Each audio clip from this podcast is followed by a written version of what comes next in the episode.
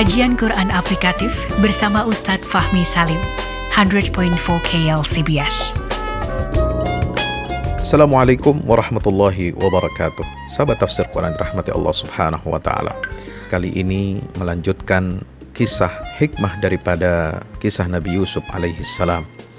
Setelah Yusuf mendapatkan jabatan ya memangku amanah sebagaimana takwil yang dia sampaikan kepada Raja Mesir maka subhanallah persis di tengah surat Yusuf yang jumlah ayatnya ada 111 itu Allah Ta'ala berfirman tentang bagaimana kekuasaan itu diberikan kepada Yusuf dan disandarkan kepada Allah Subhanahu wa taala. Al-Qur'an tidak secara detail mengatakan setelah permintaan Nabi Yusuf ij'alni ala khazainil ardi inni hafizun alim setelah beliau menyebutkan alasannya meminta jabatan itu Al-Quran tidak cerita detail bagaimana Raja Mesir itu memberikan mengokohkan kedudukan dan jabatan Yusuf.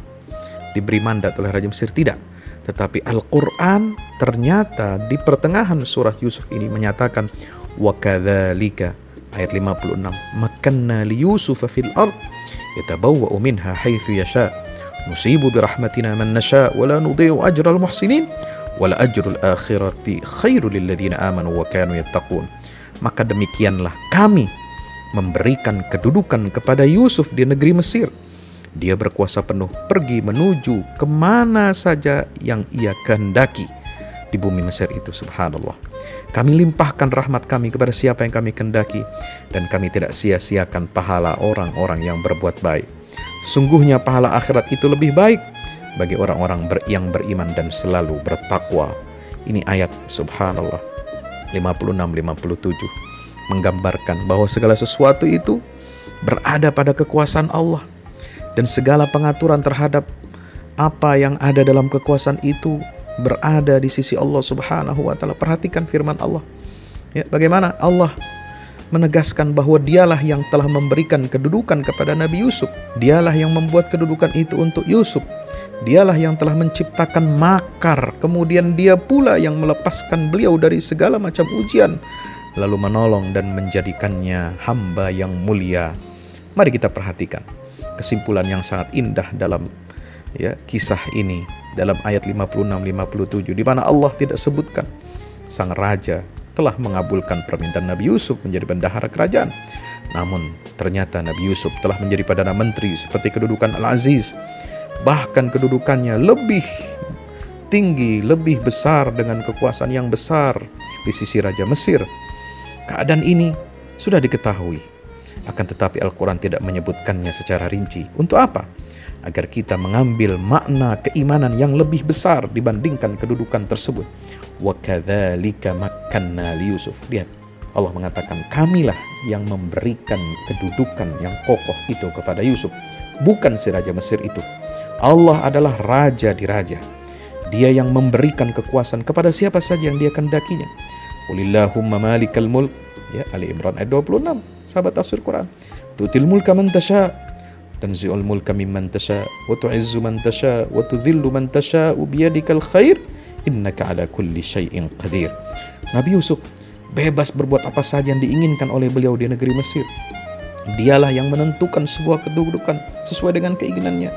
Semua itu adalah perwujudan kasih sayang dari zat yang maha pengasih yaitu Allah Subhanahu wa taala. Nusibu birahmatina man nasya'u min ibadi nusibu birahmatina man nasha. Subhanallah. Wala nudhi'u ajral muhsinin. Siapa saja yang dikendaki oleh Allah pasti akan diberikan rahmat.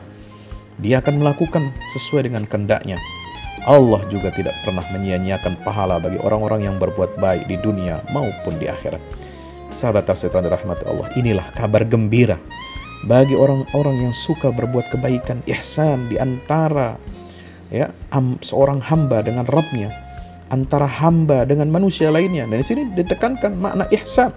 Ihsan inilah yang melahirkan pertolongan, yang melahirkan kemenangan, yang melahirkan kejayaan, ya, yang mendekatkan rahmat Allah Subhanahu wa taala kepada seorang hambanya yang tertindas, yang teraniaya, yang terzalimi.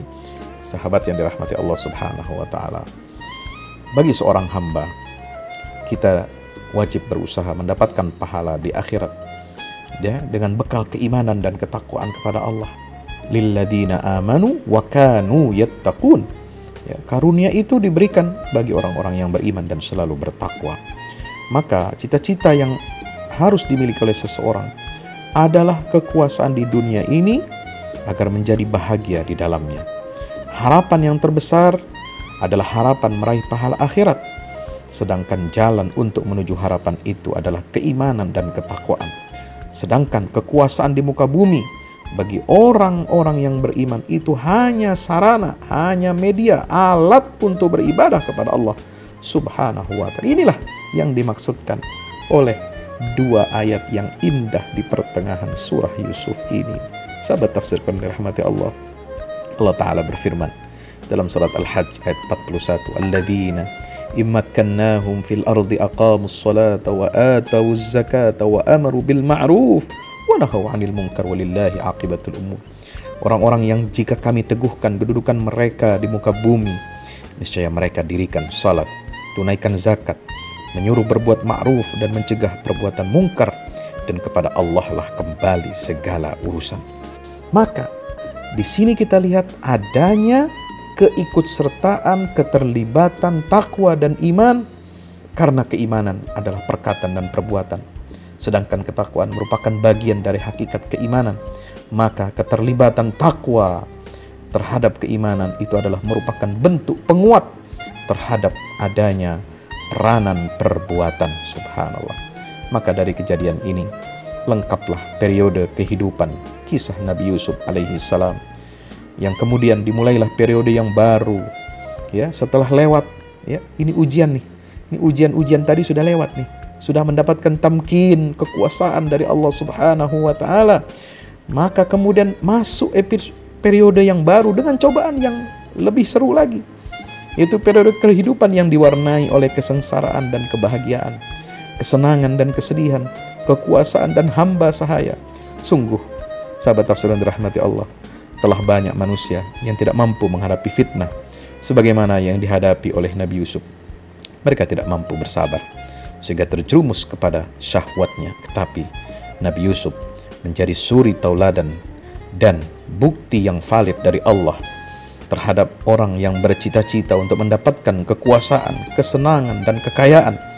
Maka tidak ada seorang pun yang dapat mampu mencapainya kecuali dengan berusaha mengikuti apa yang telah dilakukan oleh Nabi Yusuf alaihi salam. Semoga bermanfaat. Wassalamualaikum warahmatullahi wabarakatuh. Belajar tafsir Al-Quran dalam kajian Quran aplikatif bersama Ustadz Fahmi Salim, pendiri Yayasan Al-Fahmu International Indonesia, 100.4 KL CBS.